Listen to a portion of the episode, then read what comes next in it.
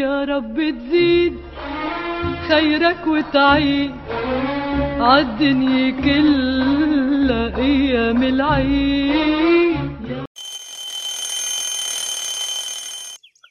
17 5 2021 يوم جديد 24 ساعة جديدة. أصبحنا وأصبح الملك لله. قمت من النوم. طيب تجهزت؟ سويت قهوتك بسرعة ولا أخذتها من الطريق؟ وبعدين رحت الشغل. قابلت ناس اجتماعات Zoom meetings ولازم تقول شيء في ال Zoom meetings حتى لو ما عندك علشان تثبت إنك موجود. تليفونات إيميلات. جت الساعة خمسة. خلص الدوام. راجع على البيت. زحمة إشارات. وصلت البيت. وبعدين؟ جوعان. أكلت لك لقمة. شفت العائلة شوي. ريحت على الكنبة. وبعدين؟ okay رحت النادي ساعة زمن ولا طلعت تمشي برا الجو مقبول على فكرة. أو مثلا حضرت حلقة من المسلسل البايخ ولا لعبت لك game طيب وبعدين؟ قلبت في الجوال يمين يسار يمين يسار طار الوقت. أوه صارت الساعة 11 لازم أنام بكرة دوام. إن شاء الله بكرة يكون يوم حلو. باسمك اللهم وضعت جنبي.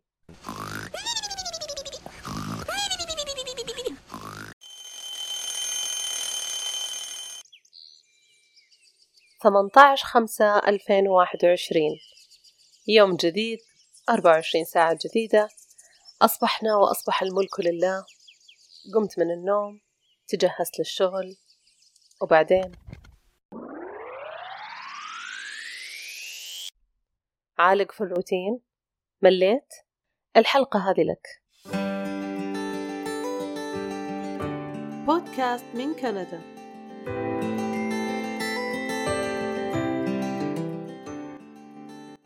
أهلا أهلا welcome back أنا سامية النهدي أشارك معكم هذا البودكاست باللغة العربية من مدينة لندن أونتاريو في كندا. إذا كانت هذه أول مرة تسمع البودكاست أتمنى أنك تاخذ وقت وتسمع باقي الحلقات علشان تاخذ فكرة عن المحتوى وتعطينا رأيك واضح موضوعنا اليوم عن الملل. وما أدراك ما الملل؟ سنتين الكورونا هذه الملل كان في الصدارة.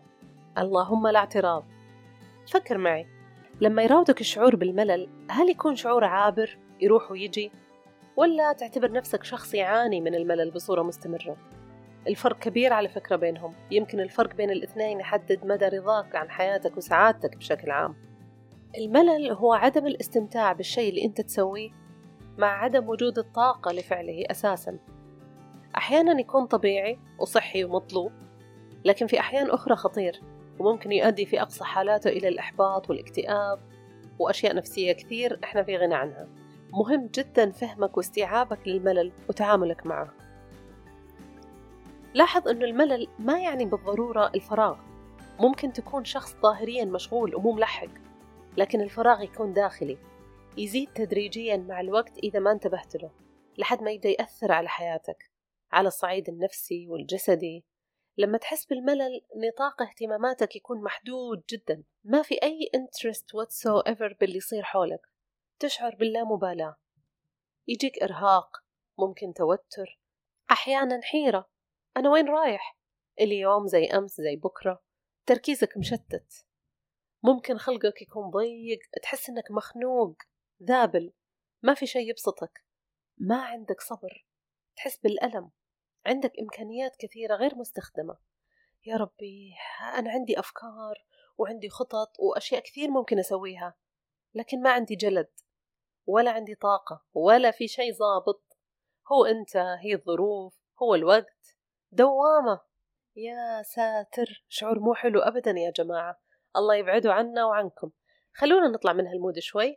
مسكين قلبي. ومسكين قلبي.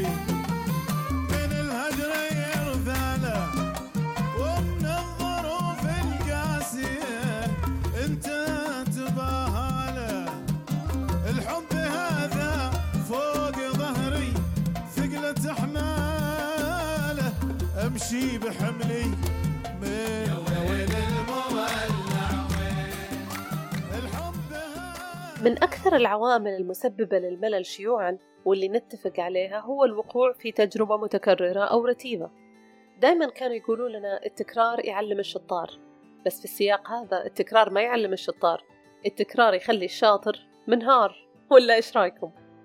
بحسب موقع healthline.com مسببات الملل كثيرة. أهمها قلة الراحة أو التغذية الغير كافية.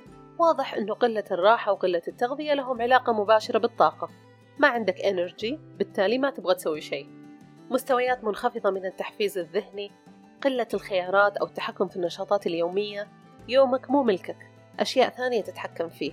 قد يكون التزاماتك مع عملك أهلك أطفالك تحس أنك تجري مسير. تكون مخطط لأشياء معينة ولا في شيء يمشي زي ما أنت كنت مخطط له. أيضا عدم وجود اهتمامات ترفيهية. تصور ضعيف مخربط للوقت فقدان الاهتمام بالشيء اللي أنت تسويه. أيضا نقص المعلومات أثناء العمل. تجيك مثلا تعليمات محيرة وغير واضحة فتصير محتار ما تعرف إيش تسوي وتخاف تغلط. تقوم تمل من الشغلة كلها وما تعملها يلا ها.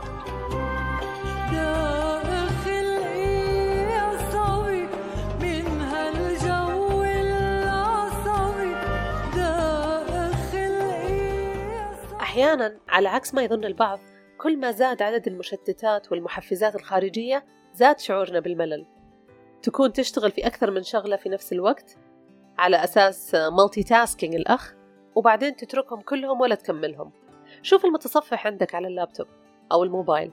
إذا عندك مليون tab فاتحهم في نفس الوقت ومواضيع ما لها علاقة في بعض وكل shopping cart معبية أغراض أنت لا اشتريتها ولا حتشتريها وإذا أنت تبتسم الآن فأنت من هذا ال group. Welcome to the club صديقي الملول. للأسف لما تفكر في موضوع الملل وتحاول تلاقي حلول بالطريقة التقليدية أو تسأل أحد مثلا تثق فيه بتجيك دايما الحلول اللي كلنا نعرفها.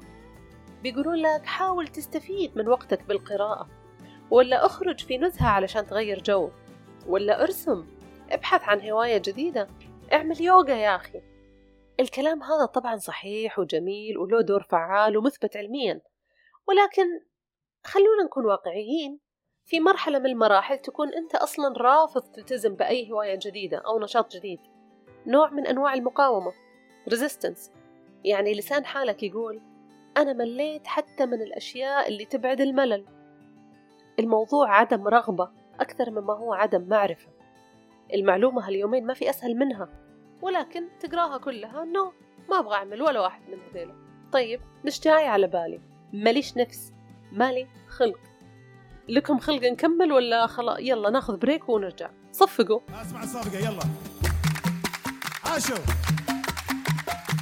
العب.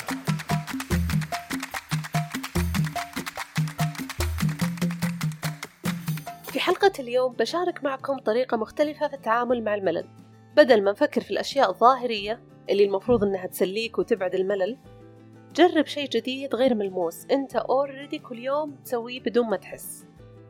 الشيء هذا عبارة إنك تشوف لك مكان مريح simply تخصص لك وقت مناسب وبكل بساطة تاخذ نفس تسترخي وتفكر. بس أبغاك تفكر. وجودك في حالة من الملل يشجع على التفكير. الدماغ يصدر إشارات بأن حالتك في هذيك اللحظة تحديدا تفتقد شيء معين ينقصها وإنك لازم تنطلق للأمام بتفكيرك علشان تخرج من هالحالة. لهذا السبب تلاحظ أنك لا شعوريا تنطلق بأفكارك وخيالاتك وتروح وتجي وتروح أماكن بعيدة بدون ما تخطط. كثير من الأفكار الجديدة تجينا في أوقات الخمول أو السرحان إذا صح التعبير خاصة لما تعمل شغلة ما تحتاج تركيز كبير زي لما تكون سايق مثلا في الطريق أو تمشي مسافة طويلة ترتب الدولاب أو حتى تحت الشاور. أحيانا تجيك أفكار إبداعية وأحيانا تحس نفسك العندليب مع الصدى. ماشي مو مشكلة هو كله إبداع. لما يعمل جسمك في وضع ال autopilot ينشغل عقلك في تكوين اتصالات عصبية جديدة تربط الأفكار وتحل المشاكل. تعلم أنك تحب الشعور بالملل لأنه هو يمثل العلاقة بين الإبعاد والإبداع. لاحظوا اللعب على الحروف والمعاني هنا. الإبعاد أنك تبتعد بأفكارك وتروح أماكن بعيدة والإبداع أنك تكون شخص creative يطلع منك أشياء رائعة هذا كان حديث مانش سمردي في تيدكس بعنوان كيف يمكن للملل أن يقودك لأكثر أفكارك عبقرية Take a break. stare out the window. And know that by doing nothing, you are actually being your most productive and creative self. It might feel weird and uncomfortable at first, but boredom truly can lead to brilliance. Thank you. طيب إذا كان الحل إني أجلس على الكنبة وأفكر سهلة وين الصعوبة في الموضوع؟ الصعوبة يا أصدقائي أو التحدي خلينا نقول تكمن في الغلطة اللي أغلبنا يسويها إحنا صحيح دائما نفكر ولكن غالبا ما نسمح للتوارد إنه يكمل أول ما تبدأ الأفكار الإبداعية تجر بعضها وتتسلسل نوقفها ما نعطيها أهمية ما نعطيها وقت ما نغذيها والأهم ما نوثقها. بالتالي إيش تتوقعون يصير في الأفكار الجهنمية هذه؟ كيف توثق أفكارك وتكتشف الشيء المميز اللي عندك وتستسقي من هذا البير العميق اللي بداخلك؟ هات ورقة وقلم يا سيدي واكتب. اكتب أفكارك مو تكتب كلامي. يعني كيف؟ كل ما جت فكرة في راسي أكتبها؟ أها exactly. كل ما جت فكرة في راسك أكتبها. أصلا متى آخر مرة كتبت؟ كتبنا وما كتبنا ويا خسارة ما كتبنا كتبنا مية مكتوب ولهلا ما جا هوامنا كتبنا وما الدكتور جوردن بيترسون هو طبيب نفسي كندي وهو أستاذ في علم النفس بجامعة تورونتو. حكى في إحدى المحاضرات عن أهمية الكتابة في تقويم التفكير وخوض معارك الحياة. أن الشخص يعتبر قوة خارقة بمجرد استطاعته أنه يفكر ويتحدث ويكتب. حتى أنه تطرق لشغلة مهمة يغفل عنها يمكن المعلمين أنه ما يشرحون بالتفصيل أهمية مهارة الكتابة على الصعيد الفكري والنفسي. أنه الناس المتمكنين من الكتابة هم بالتأكيد أشخاص مفكرين. The more you write, the more you learn, the more you think. كل ما كتبت أكثر كل ما تعلمت أكثر كل ما فكرت أكثر. If you can think and speak and write, you are absolutely deadly. Nothing can get in your way. So that's why you learn to write. It's like, it's the most powerful weapon you can possibly provide someone with. بالله ما اشتقت لخطك خطك العربي الجميل اللي ياما وقف معاك أيام الدراسة كيف كنت تكتب إجاباتك على أوراق الامتحانات؟ هل كان خطك كبير وممتد في السطر ومبعثر وبعدين ينحشر في الأخير ويصغر في آخر الصفحة؟ ولا كان خطك مرتب ومدروس وبالضبط على قد المساحة الموجودة؟ كيف كنت تكتب السين؟ مسننة ولا تشدها كذا خط على أساس رقعة؟ والهاء في وسط الكلمة لها كذا style إيش كان style ك؟ الألف كنت تحطها تحت الكلمة ولا على نفس المستوى؟ العين كنت تلونها ولا تخليها مفرغة؟ الكاف ال- الكاف إبداع كل واحد عنده حرف كاف خاص فيه التفاصيل هذه كلها راح تسترجع معها ذكريات حلوة إذا كنت مستحضر اللحظة وتكتب بصدق. كتابة اليوميات ما يسمى بالجورنالينج هي ممارسة يومية تساعدك في المدى البعيد على تحقيق أهدافك وتحسين نوعية حياتك.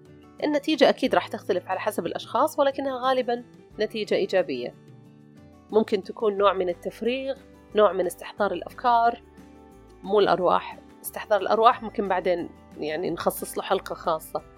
الكتابة أيضا تساعدك على تصفية الذهن وعمل روابط مهمة بين الأفكار والمشاعر والسلوكيات.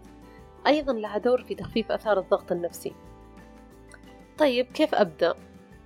أول شيء ابدأ بحماية خصوصيتك. privacy يا عمي. انتبه لل notebook هذا اللي أنت راح تكتب فيه أسرارك.